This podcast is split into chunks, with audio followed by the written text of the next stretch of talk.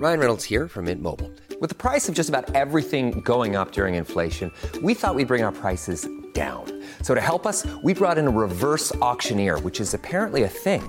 Mint Mobile unlimited premium wireless. Ready to get 30, 30, bit to get 30, bit to get 20, 20, 20, bit to get 20, 20, bit to get 15, 15, 15, 15 just 15 bucks a month. So, Give it a try at mintmobile.com slash switch. $45 upfront for three months plus taxes and fees. Promo rate for new customers for limited time. Unlimited more than 40 gigabytes per month. Slows. Full terms at mintmobile.com.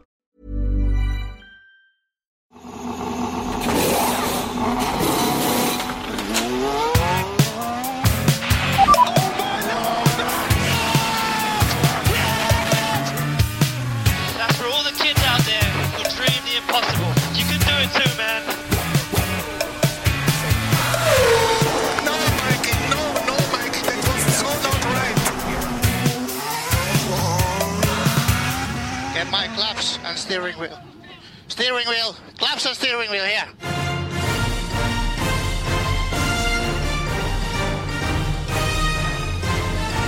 Till tonerna av Marseljäsen, som man säger på fransk-svenska, kommer här plattan i mattan till dig efter Frankrikes Grand Prix som blev en promenadseger för Max Verstappen.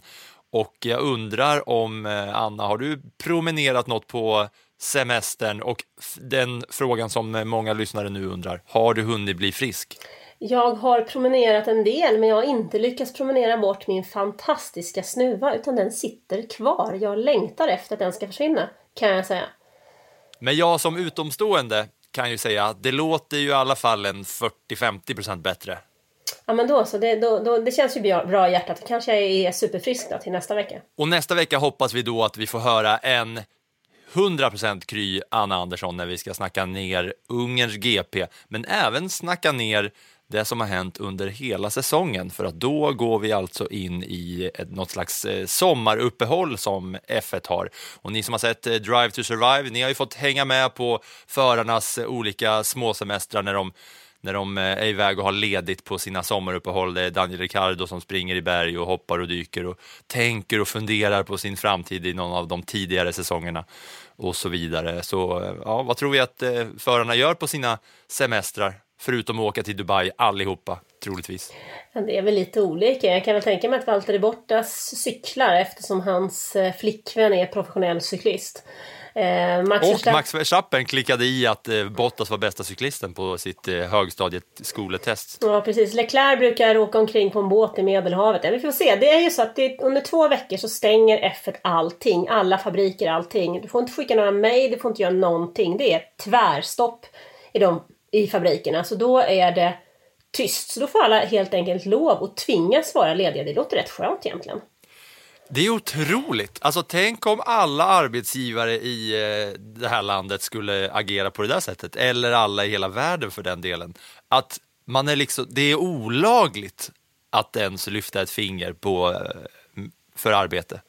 Det hade ju varit rätt sjukt. Att du får inte jobba överhuvudtaget, då blir du diskad. Alltså, när, när var det så senast att man hade en semester där man inte överhuvudtaget två veckor inte gjorde någonting? Jag vet inte. Det var när jag gick i skolan tror jag. Det är, vä- det är ju intressant av F1 eh, att det är så på det sättet det sker. Tror du att det har någonting att göra med välmående eller bara tävlingsaspekter i det hela? Jag skulle säga 95-5. Ja. Eh, tävlats har det gjort i alla fall. Även fast det är lite såna här sommarkänslor när det här avsnittet kommer ut den 27 juli. Nästan augusti är vi inne på då, men det har varit lite värme och lite gött. Och varmt, det var det i Frankrike när eh, Frankrikes GP gick av den berömda stapeln på banan som heter Paul Ricard, eller Le Castellet. Vad heter det egentligen? Alltså, den ligger väl i Le Castellet och heter Paul Ricard. Banan heter Paul oavsett bandragningarna. Jag vill säga det innan vi börjar snacka om racet och allt hur det gick och så vidare. Du som har varit så himla hatisk mot eh, banan där nere i Frankrike. Nog för att eh, du tycker att det är en platt parkeringsplats och så vidare. Den är ju i alla fall den liksom snyggaste banan sett ur eh, ett drönarperspektiv med alla de här blåa och röda och vita linjerna. Eller tycker du det ser för jävligt ut också eller? Alltså med tanke på vilken racing som erbjuds, jag tyckte att det var årets absolut mest sömniga race. Så ty- kan, Ja, jag, kan jag rent- inte tycka att banan är snygg. Jag gillar ju, jag gillar ju an, jag gillar banor som faller in i miljön. Sen, eh, alltså sådana som, som spa är fantastiska, våra kvällsrace är fantastiska. Eh, jag vill att, det ska, att banan ska vara i en naturlig miljö och den är den absolut inte i Frankrike. Så att jag kände väl faktiskt när jag såg träningar, kval och race att eh, jag blir ju inte direkt ledsen om man flyttar Frankrikes GP från Paul Ricard. De har ju faktiskt inget kontrakt för nästa säsong. Men du, du går inte igång en, liksom en gnutta ens på att det är liksom de här snygga strecken som dras med hela banan som gör att det liksom blir eh, någon slags eh, konst för ögat. Men om det är snygga streck men jag ändå sitter och gäspar, vad gör det liksom? Ja, snygga streck. De försökte ju göra en snygg bana i Miami. Det blev ju ganska populärt eh, ur ett medialt eh, syfte, men de har inte riktigt lyckats på samma sätt där i Frankrike. Men du är mer inne på så här att banan ska kunna, det ska vara skog på båda sidor, det kanske gärna får vara en liten kyrka man åker förbi och En liten eh, kyrka. lite sån grej. En liten För då är, det, kyrka. då, då är det ingen miljön. Då är Nej, det men ingen jag miljön tycker att man åker banan- förbi. Ja, men jag tycker att snabbköp. banan ska spegla det, nam- det landet där man befinner sig och det ska finnas en känsla för omgivningen där man är. Här tycker jag det är för mycket asfaltsöken helt enkelt. Sen blev det ju inte alls så mycket eh, problem med banbegränsningen som jag hade trott att det skulle bli. Men jag tycker ändå inte att det på något sätt var ett lopp som jag kommer att minnas. Du kommer nog få fråga mig nästa år. Så får jag titta upp det. För jag vet, ja visst Verstappen vann. Eh, Leclerc kraschade ut sig. Men så mycket mer tycker jag inte det finns att ta med sig från den här helgen. Jag tycker att vi, vi ska se till att vi inte är lika sömniga som vad det där racet var och sätta fart på det här programmet. Du, det gör vi nu och vi gör det inte med en sprintgenomgång för vi ska eh, testa att ha lite mer så här eh, flow i sommarkänsla och testa att snacka ner det här racet utan en sådan. Så om vi bara tar det där det började, hela racet. Vi kan väl säga, vi kan väl börja, vi kan börja där det slutar först och sen går vi tillbaks till, eh, till början så att säga. Eh, Max Verstappen vinner ett race som såg ut att kunna gå till eh, Charles Leclerc, men Charles Leclerc kör, sladdar av banan på varv 18 är det väl, där han skriker och vrålar ut sin frustration efter att ha kört in i, i barriären. Eh, lite jagad av Max Verstappen men ändå i lite eh, lugn och ro sådär eh, när eh, Leclerc väl körde in. För Verstappen hade precis gått in i depå och det skulle kunna börja sätta sig lite hur loppet skulle se ut. Men Max Verstappen vinner i alla fall eh, loppet och tvåa är, tvåa och trea är alltså Mercedes-bilarna med Lewis Hamilton först och George Russell. Sen är det Perez och sen är det Carlos Sainz som körde upp sig från en 19 startposition. Eh, så slutade i alla fall racet. Sen var det en bra alpinhelg också på hemmaracet i Frankrike där Alonso kom sexa. Sen var det Norris och Ocon sjua, åtta. Ricciardo och tyvärr Lance Stroll på tionde plats som fick en poäng före Vettel var det väl? Ja, det var det. Eh, om vi då börjar med det jag tyckte var kul på kvalet så var det ju att Leclerc fick pole på grund av Carlos Sainz som redan var bestämd att starta i sista startled. Ja, Men där tycker jag att du vänder på orden. Jag tycker man ska säga tack vare. För det här var ju inte någonting som inte var planerat utan det var verkligen tack vare. Carlos Sainz gjorde allt han kunde för sin teamkompis. Han visste han skulle starta sist.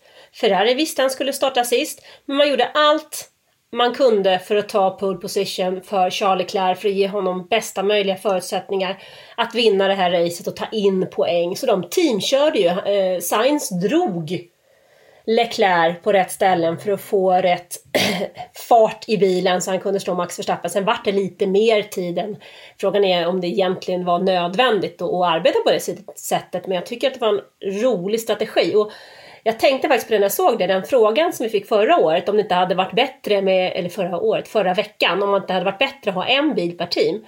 För att då hade ju all den här typen av körning försvunnit. Jag tycker att det är rätt kul med teamjobb, jag gillar det. Ja, det här var ju ett av de, alltså kvalen som var med, där, de, där man var mest utanför boxen så att säga i eh, hur ett kval oftast går till.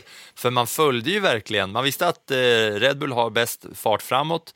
Men sen var ju det här med att Ferrari-bilarna har ju bra fart i kurvorna och i de, eh, i de eh, slow, vad heter det nu då? Slow speed corners eller något i den stilen när de har lite lägre, eh, ja, där, där deras downforce verkligen eh, får betydelse.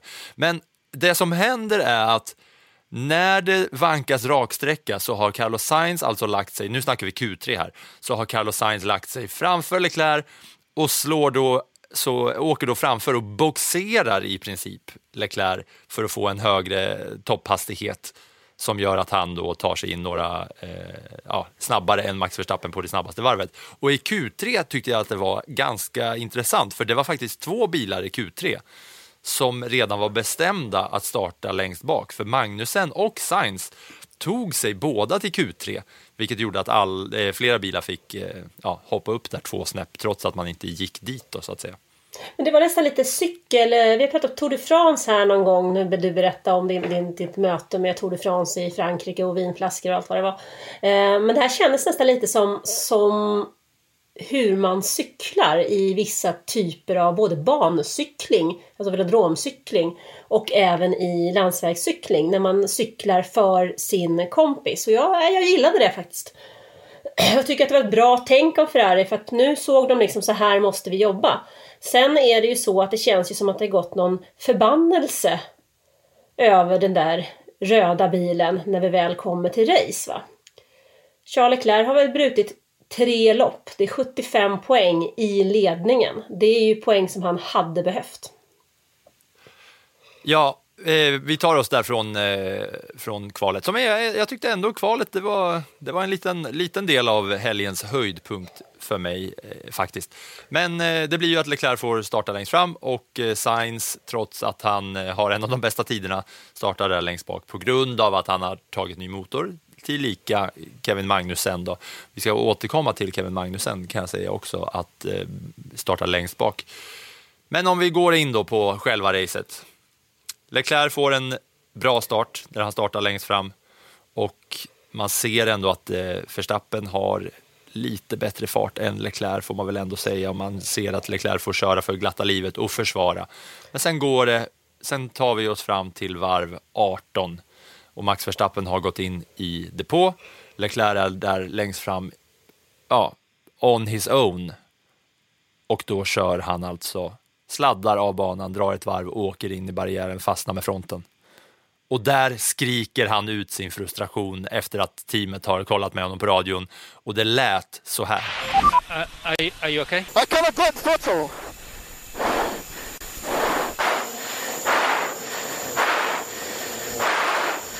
Now it's your percent.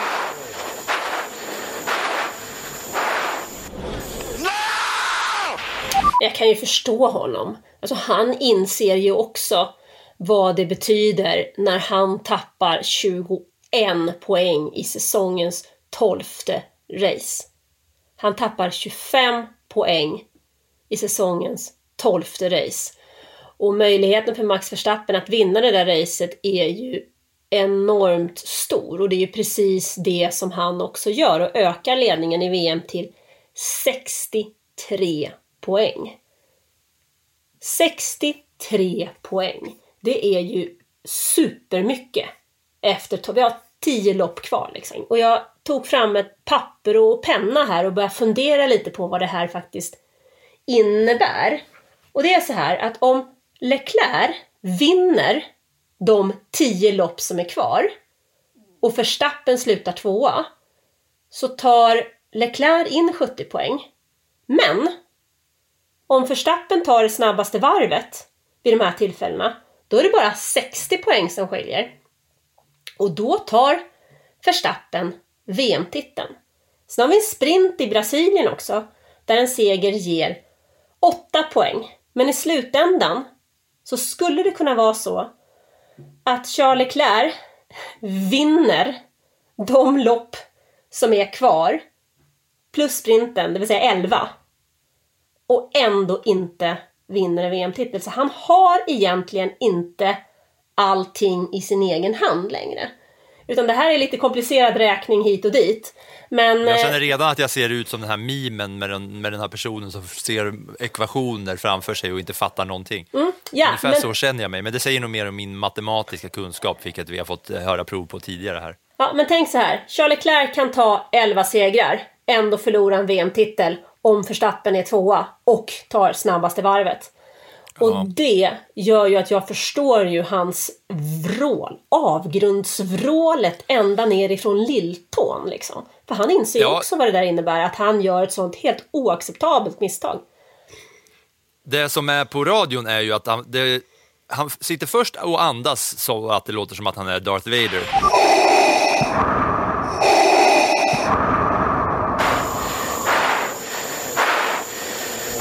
Och sen skriker han precis som att han är en eh, barnrumpe Luke Skywalker som sitter och skriker no när han får reda på att det är eh, Vader som är his father. That's impossible! No!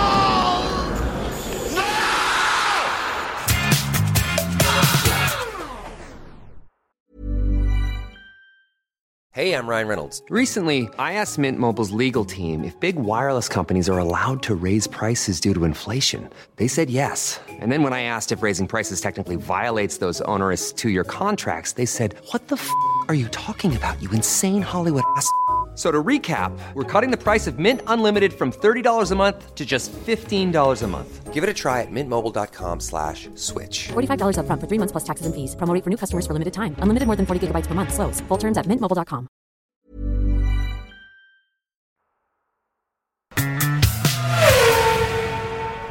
Det jag tänker på när du drar din eh, uträkning är att det spelar ingen roll om Leclerc vinner alla race så länge Max Verstappen tar några fastest laps. Det enda som, skulle, som Ferrari skulle kunna göra då, alltså om allt skulle falla rätt ut, att Leclerc vinner allt, det är att då skulle de ju kunna ha möjlighet att visa prov på vad teamkörning innebär genom att mot slutet av varje race sätta på softs på Carlos Sainz och skita i hans position i totalen så att han bara ska slå Verstappens fastest lap. Ja, men det, det som... Det är enda möjligheten till att Leclerc ska vinna titeln då.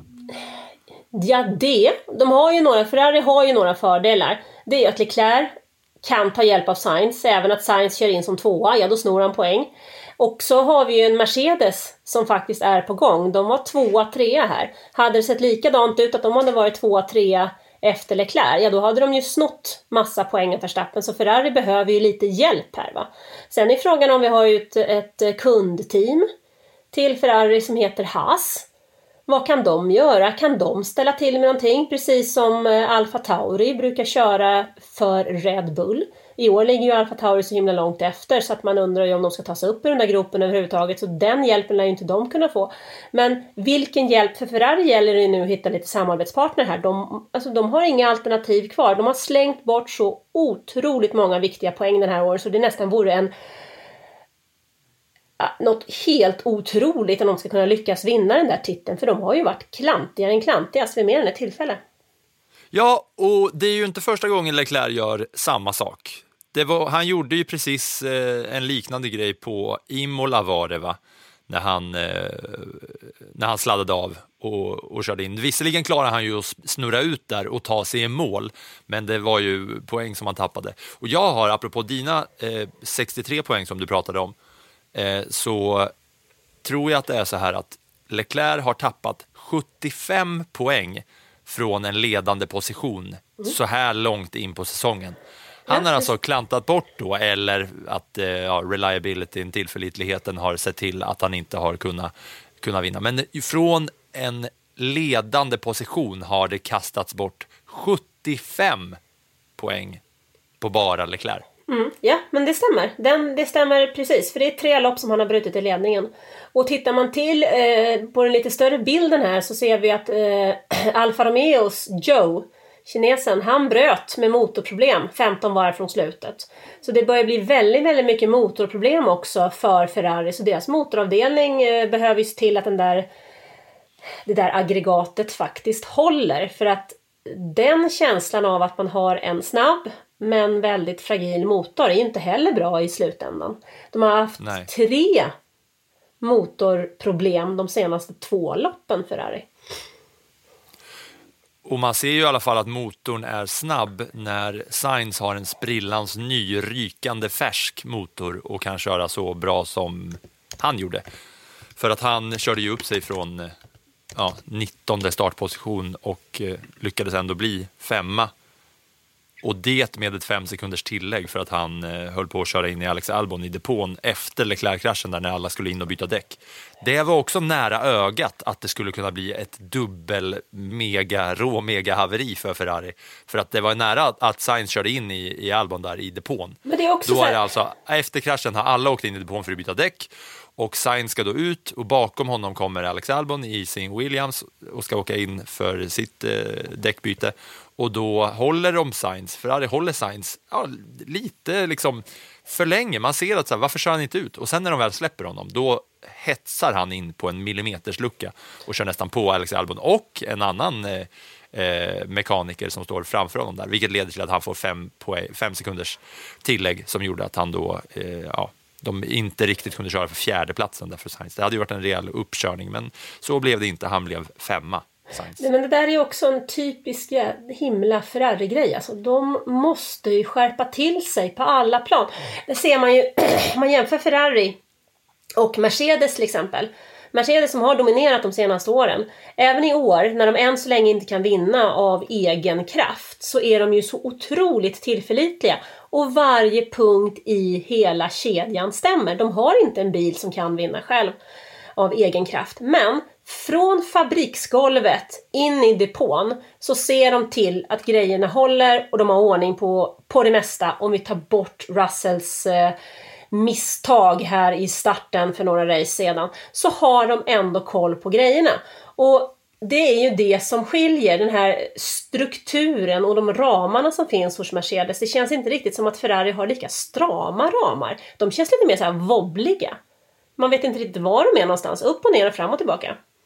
Mm. Och mestadels är det ju inte bra av Ferrari från, eh, från team, teamhåll. Det är ju lite, lite sådär. Eh, de skulle ju kunna ha sagt till Leclerc att ta det lite, lite, lite lugnare för att eh, man vet hur däckslitaget och sådär är. Men jag kollade på, eh, jag hittade någon info om att just i den kurvan där Leclerc kraschar så var Ferrarin 15 kilometer i timmen snabbare än Red Bull-bilen under, eh, under hela helgen att han alltså eh, har så pass mycket snabbare där eh, och det är där han inte lyckas. Men det känns, det känns som att det där är ju också ett rutin och erfarenhetsmisstag hos Leclerc. Men han är ju Att pressad. han är lite, lite, lite för ivrig och lite för pressad. Exakt. Eh, och det, har man ju också, det såg man ju också Sainz ha lite i början när man kände att fan, det här är ju liksom personliga misstag. Liksom.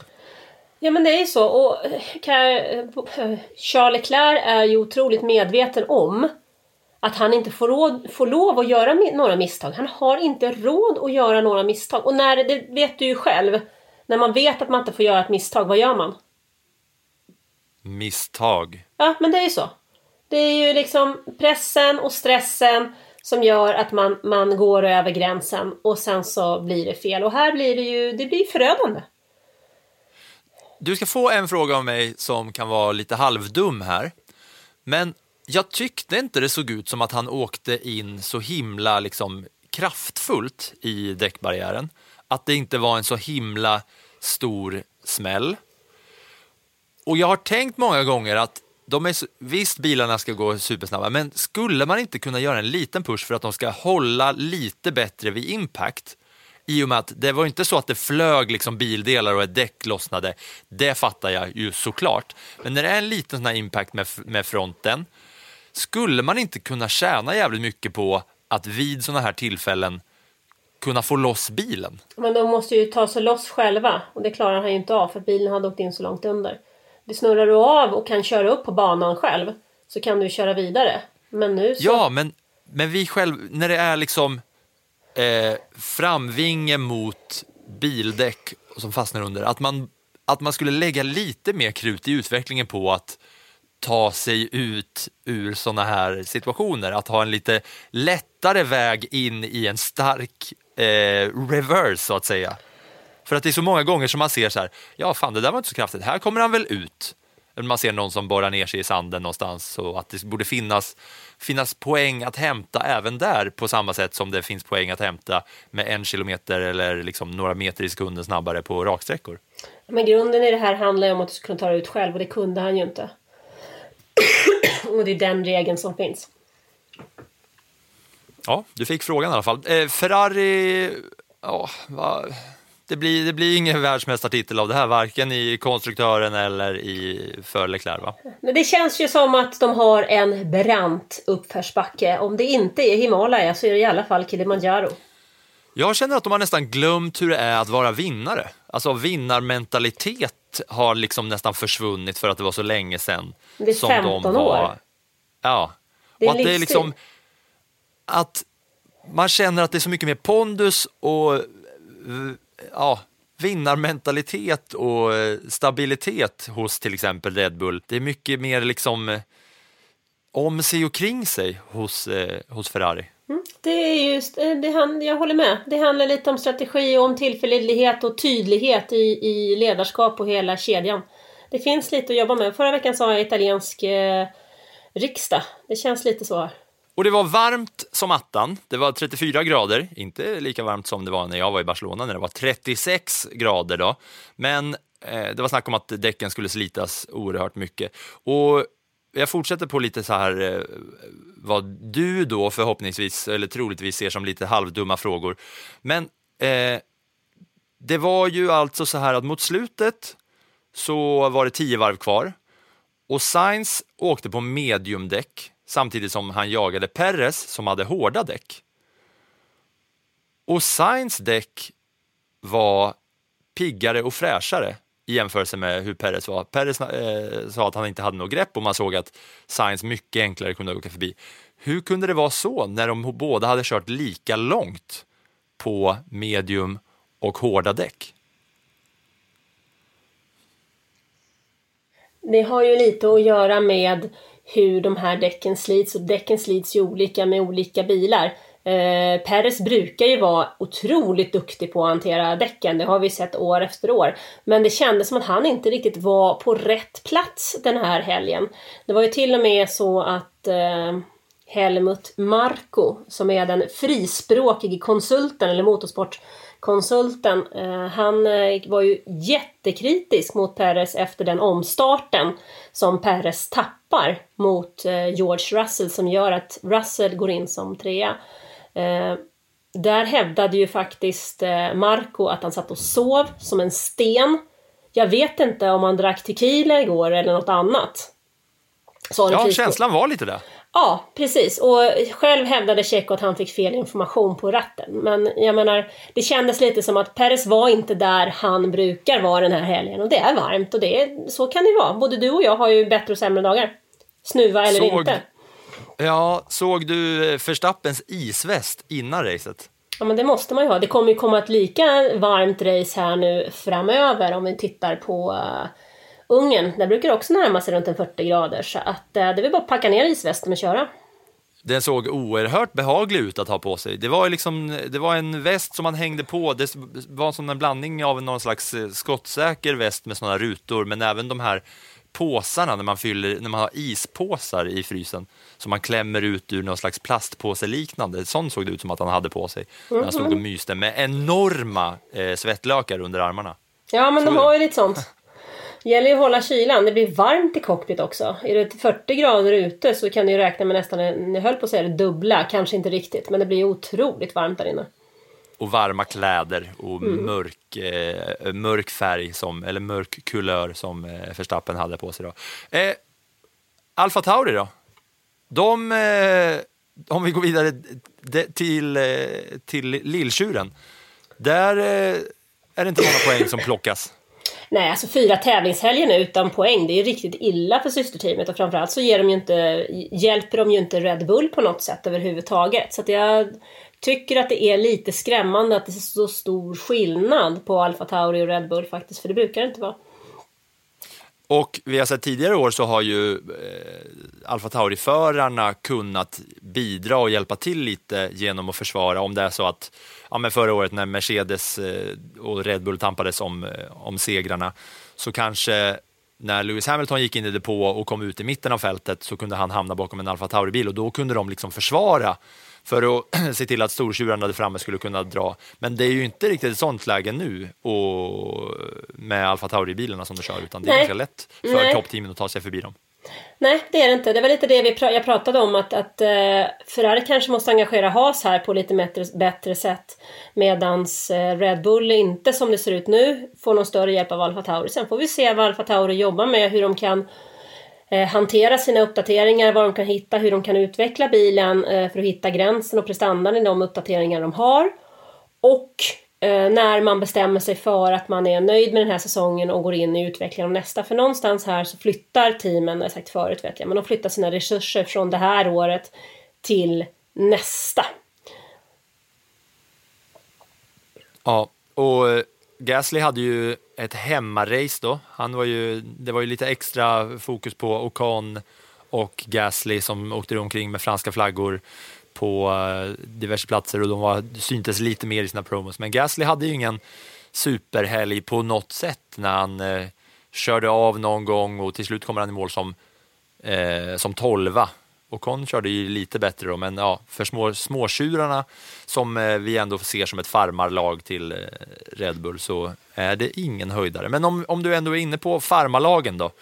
Haas, Ja, alltså de, eh, de var ju på G här då. Mick Schumacher hade ju ett riktigt bra varv i kvalet. Men då genade han lite för mycket så det blev struket. Så där försvann ju lite av deras förhoppningar med att de har två bilar som stannade långt bak. Nu är ju det ett team som har valt att komma sent med sina uppdateringar. De skulle ha kommit till Silverstone, kom inte. De skulle ha kommit till Frankrike, kom inte. Nu finns det delar till en bil i Ungern kommande helg och de delarna går till Kevin Magnusson som har tagit flest VM-poäng i teamet.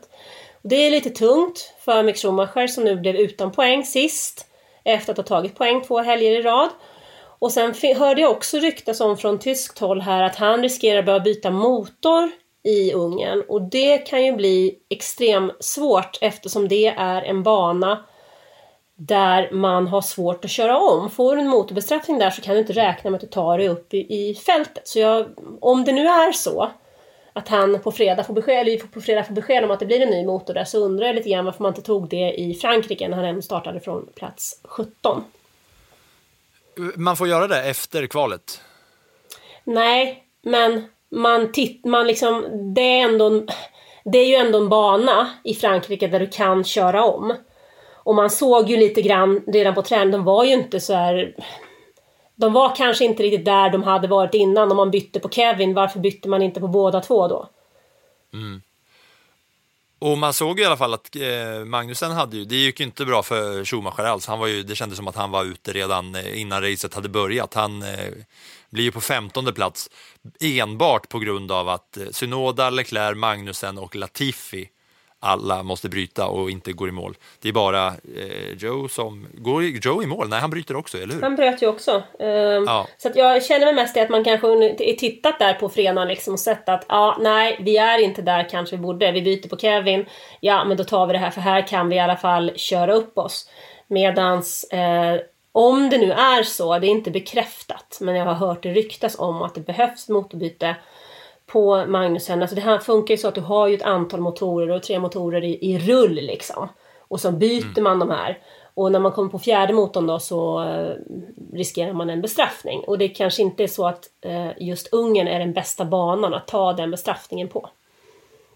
Och Magnusen då, återigen, han har bytt motor, tar sig till Q3, trots att han vet att han ska starta eh, sist där. Sen när racet väl börjar och han startar längst bak, då tar han sju platser på första varvet. Efter två varv har han kört förbi åtta andra bilar. Och jämför man det med Carlos Sainz, som också startade längst bak, så tog Sainz bara fyra placeringar på tre varv. Så han kan ju köra och han har ju eh, farten och bilen har kapaciteten att ta sig fram och köra snabbt. Men återigen så går inte Magnusen i mål, trots ny motor den här gången.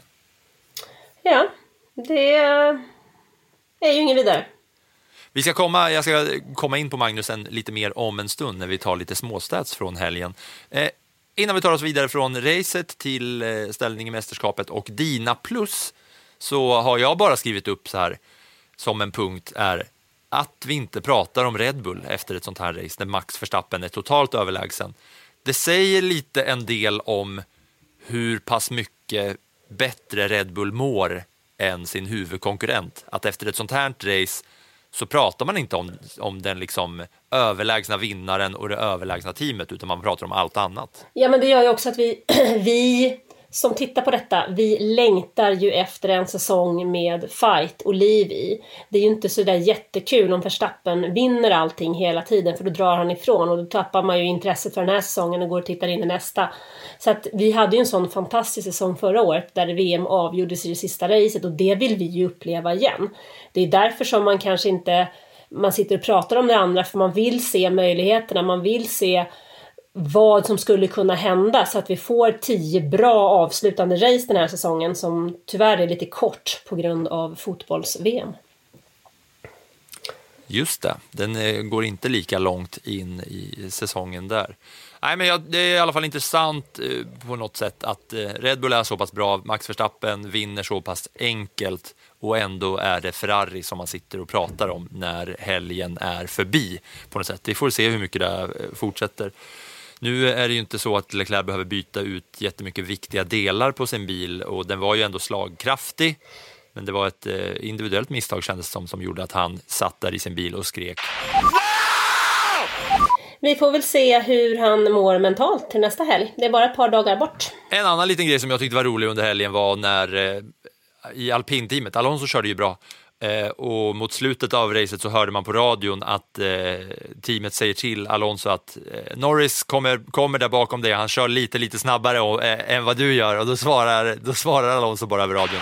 No problem. I want them close so they can kill the tires. Mm, det är ju din kung ju. Han blir mer och mer älskvärd efter för varje vecka som går. Han liksom eh, levererar ju mys och godhet i form av kul. Ja, men Alonso är Alonso. Honom vill vi ha kvar i F1 även om han inte har kontrakt för nästa år. Så det är inte så. Verkligen, verkligen, verkligen, verkligen. Nu tar vi hur ställningen är i mästerskapet, sen ska vi få höra dina plus. Och ställningen är som följer. Förstappen drar, som du säger, ifrån ännu mer med sitt sjunde vunna lopp och 233 poäng totalt framför Leclerc på 170. Och nu är snart Perres om Leclerc. Han är bara sju poäng bakom. Så Perez är trea i totalen på 163 bakom Carlos Sainz på 144. Sen är det Mercedes-bilarna som kommer mer och mer och mer och mer. Lewis Hamilton med en andra plats och George Russell med en tredje plats. Dubbelt Ferrari på podiet. De har ingen vinst än, men de har nio podium totalt i Mercedes. Det ja. händer väl snart va? Snart kommer första segern. ja, de kan ju inte riktigt av egen kraft än. Eh, men dubbelt Mercedes på podiet och i sammandraget så skiljer det faktiskt bara en enda pinne mellan Sainz som är fyra och Russell som är femma. Så att, eh, ja, jag tror ju att den där segern som de så hett efterlängtar kommer att komma här under hösten och då faller ju allting det som vi snackade om när det gäller Leclerc Verstappen. Så att förhoppningsvis så kan Mercedes vara, vara med och blanda sig i situationen vilket skulle ge mästerskapet ett lyft. Får jag testa ett påstående då? Ja, Innan säsongen är slut så kommer eh, Mercedes ha tagit en 1-2. Nej. Ja, kul att höra att du ändå så bestämt säger nej. Nej, jag tror att Mercedes kommer att ta en seger, ja. Men jag tror inte att eh, de kommer att klara att ta en dubbel utan att det är eh, Red Bull eller Ferrari som kliver in där bakom. Sen kanske de kan ta en 1-3. Men jag tror inte att de mm. klarar av riktigt eh, på egen fart att göra det Mercedes, Mercedes tar en seger eh, med Russell för att Hamilton och Verstappen är uppe och fightas och båda kör varandra av banan och George Russell cruisar in i mål som etta. Mm, och Leclerc som tvåa jublar. Troligare kanske. Konstruktörerna så leder Red Bull med 396 poäng med 8 vunna lopp och 15 pallplatser. Ferrari är tvåa på 314, Mercedes är trea på 270. I botten är det Nicolas Latifis gäng Williams med bara 3 poäng. Framför där är Aston Martin.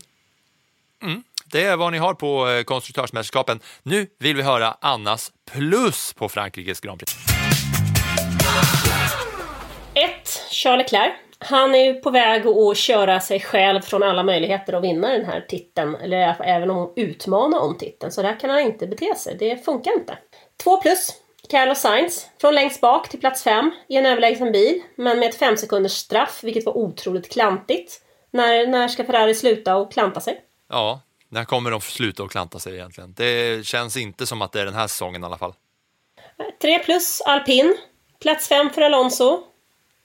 8 för Esteban Ocon. Och de har ett litet övertag på McLaren i konstruktörsmästerskapet.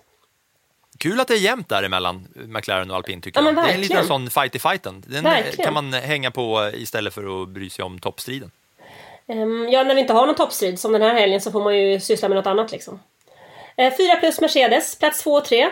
Är teamet på väg tillbaka? Hamilton pratar om nya uppdateringar till Ungern.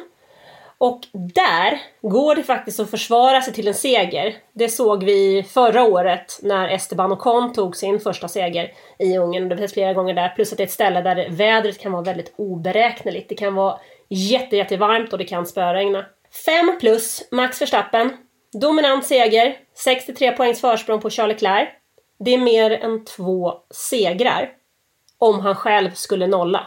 Så han har ju ett riktigt, riktigt grepp om det här mästerskapet. Och det känns ju som att de kan köra med mycket större lugn och mycket mera ro alla kommande race nu för att då vet de att ja, det kanske inte gör så mycket alltså om det är så att Max Verstappen inte har överlägset bäst fart som han har oftast den här säsongen. Men om de ligger där och puttrar på så kanske de märker att ja, men vi kan ta en andra plats, vi kan ta en tredje plats. Vi behöver inte chansa och gå för segern här för att vi vet att vi är så pass mycket bättre i det långa loppet. Känns det som. De har en rejäl trygghet där framme nu. Mm, absolut. Sen när det gäller motorstoppet då, så kan vi kalla det för motorstopp, eller i alla fall veckans gäspning. Det var ju i alla fall Sergio Perez som satt och sov i omstarten och tappade en pallplats. Det får ju inte heller hända va? Nej, det var efter ett eh, gul flagg mot slutet och man såg då Russell hade ju legat och jagat på Perez och sen så var det omstart och när det blev grönt då så, så ser man Perez åka och söndagsåka samtidigt som Russell kör plattan i mattan och eh, sveper förbi hur lätt som helst. Det Precis. kändes som att han inte ens var beredd. Han visste inte ens om att det nu börjar närma sig här. Han måste ju suttit och, jag vet inte, bytt radiostation till Go Country eller något sånt där, eh, lyssnat på någon latin-kanal där i bilen på, på bilradion. Lugna favoriter kanske? Ja, det var lite så. Nu vill jag bjuda på lite småstats från Frankrike.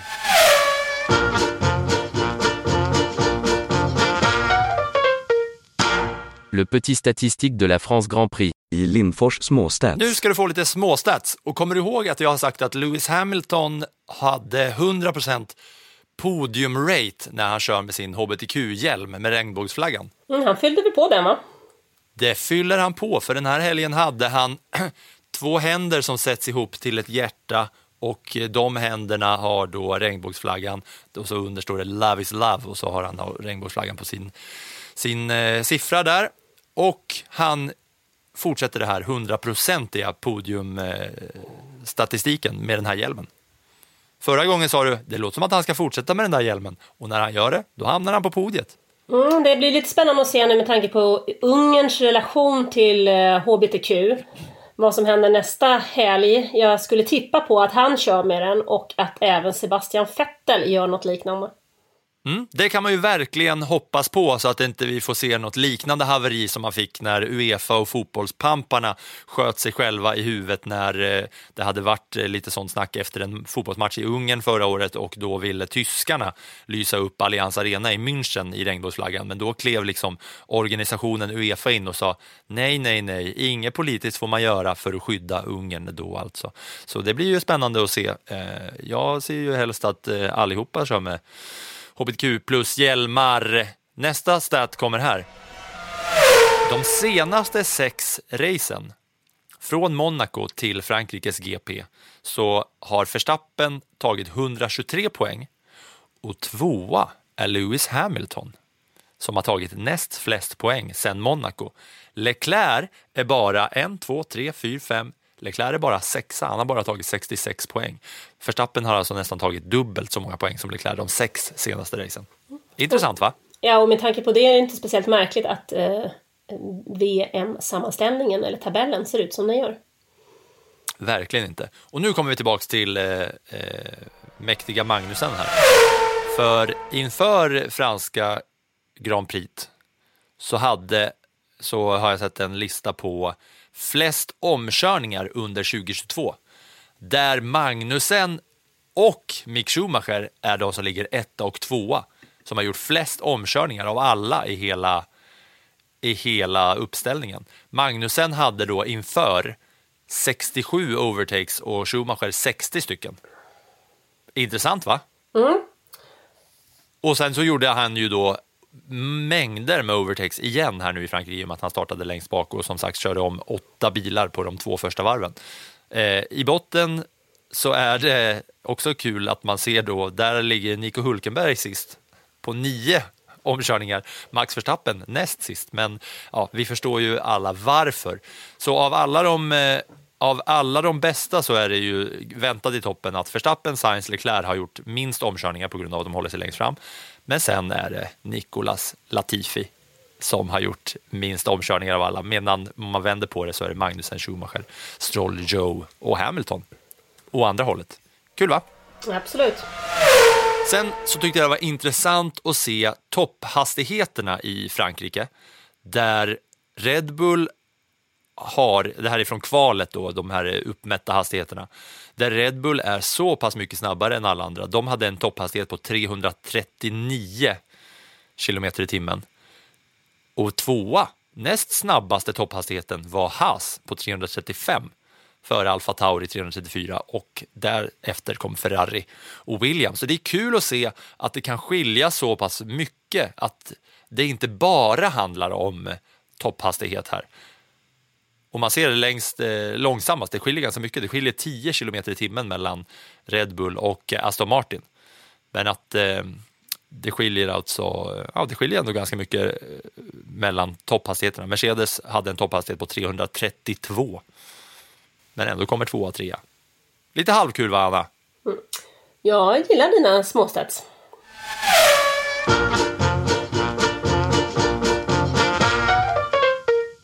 Det var lite småstads, Nu tar vi en liten, liten svensk koll för det har varit dubbla ovalrace i Iowa, va? Iowa, va?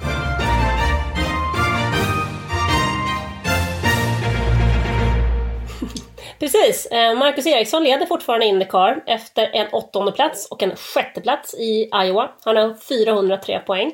Willie Power, Australien, har 395, så det är tight i toppen. Felix Rosenqvist kraschade i det första racet men han var sjua i det andra och ligger nia i sammandraget. Nu i helgen så kör de igen. Nu är de tillbaks i Indianapolis och kör på road course-versionen av Indianapolis Motor Speedway. Eh, sen är det väl fem lopp kvar av den här säsongen om jag har räknat rätt. Och Marcus Eriksson har ju fortfarande stor chans att ta hem hela Mm. Hoola Balut. Ja, det är åtta poäng nu som skiljer så nu är det fem mycket, mycket viktiga lopp kvar för Marcus där man ska hålla i detta. Mm, och då blir han ju historisk än en gång. Det blir ju jättespännande att följa fortsättningen för våra svenskar i Indycar. Nu blickar vi framåt mot Ungerns Grand Prix.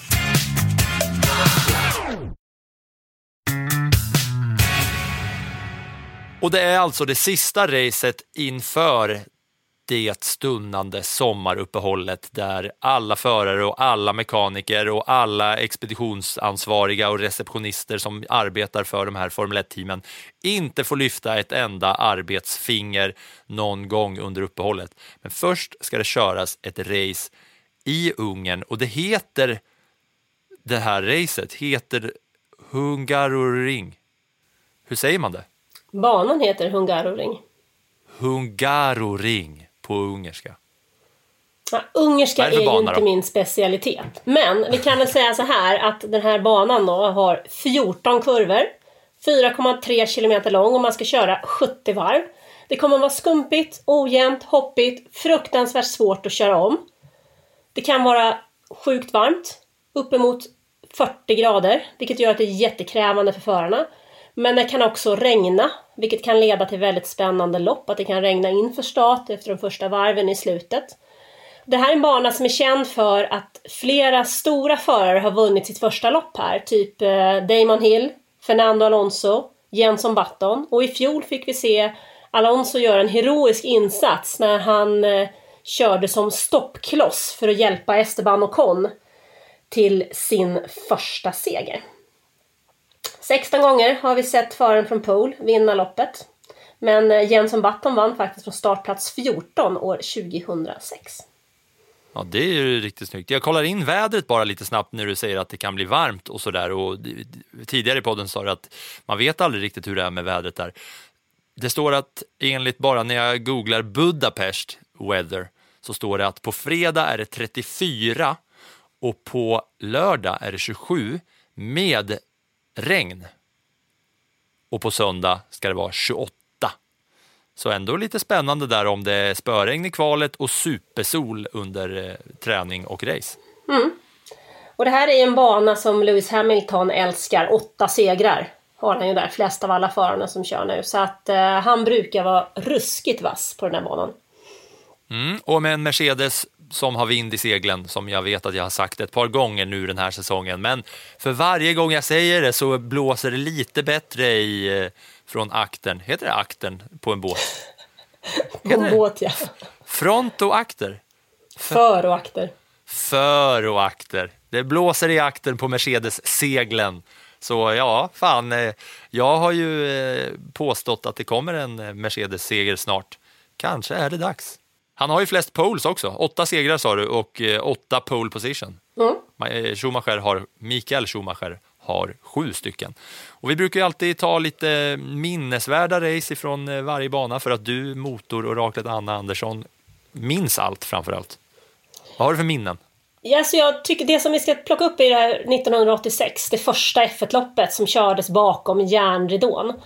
Och i det, det racet så var det Ayrton Senna som hade pool och han jagade som Nelson Piquet. Men eh, det som är fantastiskt att göra det här loppet till en klassiker, vid sidan av att det var det första racet bakom järnridån då, det var att på varv 57 så kör Piquet om Senna på utsidan i kurva 1. Det är en jätteklassiker. Men frågan är om den omkörningen hade godkänts idag. För att om man kikar lite på, på Youtube-klippen där så ser man att det är någon som är utanför eh, den vita linjen och det är Piquet. Och med dagens då eh, FIA-reglemente och millimetermarginaler och eh, ja, sensorer hit och dit så hade det kanske varit andra ljud i skällan för den där omkörningen. Mm. Men det är ju därför det kan, har kunnat bli en klassiker, för att inte de är där och inne och fördärvar Fia. Mm. Nej, men sen har vi också 2011 när eh, Jenson Button slog sin Mercedes-kollega Lewis Hamilton i ett eh, strategiskt race där det handlade om att byta däck på rätt ställe. Hamilton Intermediates, men Button valde Slicks och det avgjorde loppet. Vi har eh, 2014 när Marcus Eriksson faktiskt kraschade sin Caterham och säkerhetsbilen kom ut och de föraren slog främst på banan, de kunde inte gå in i depå.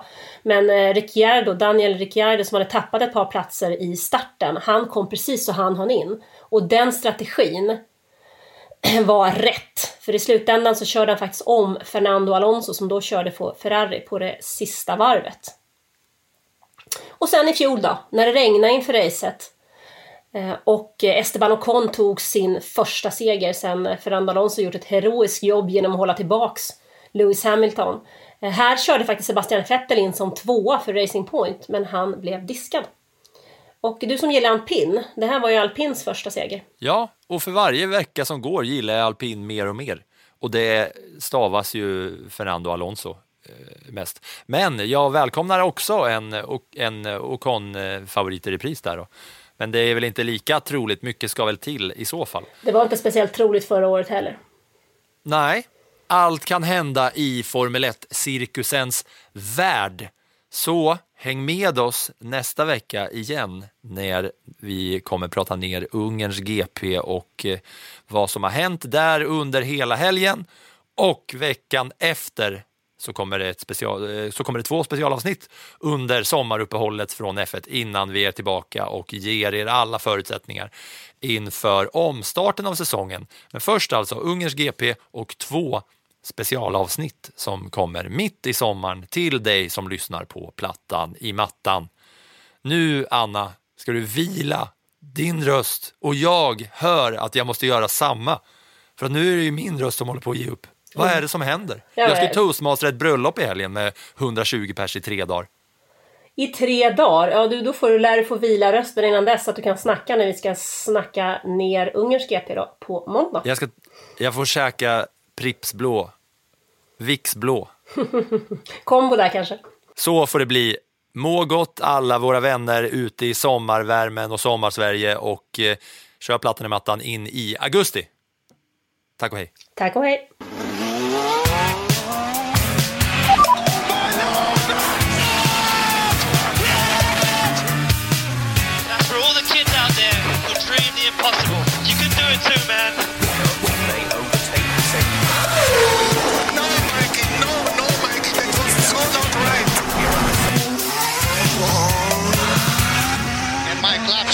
their equipment.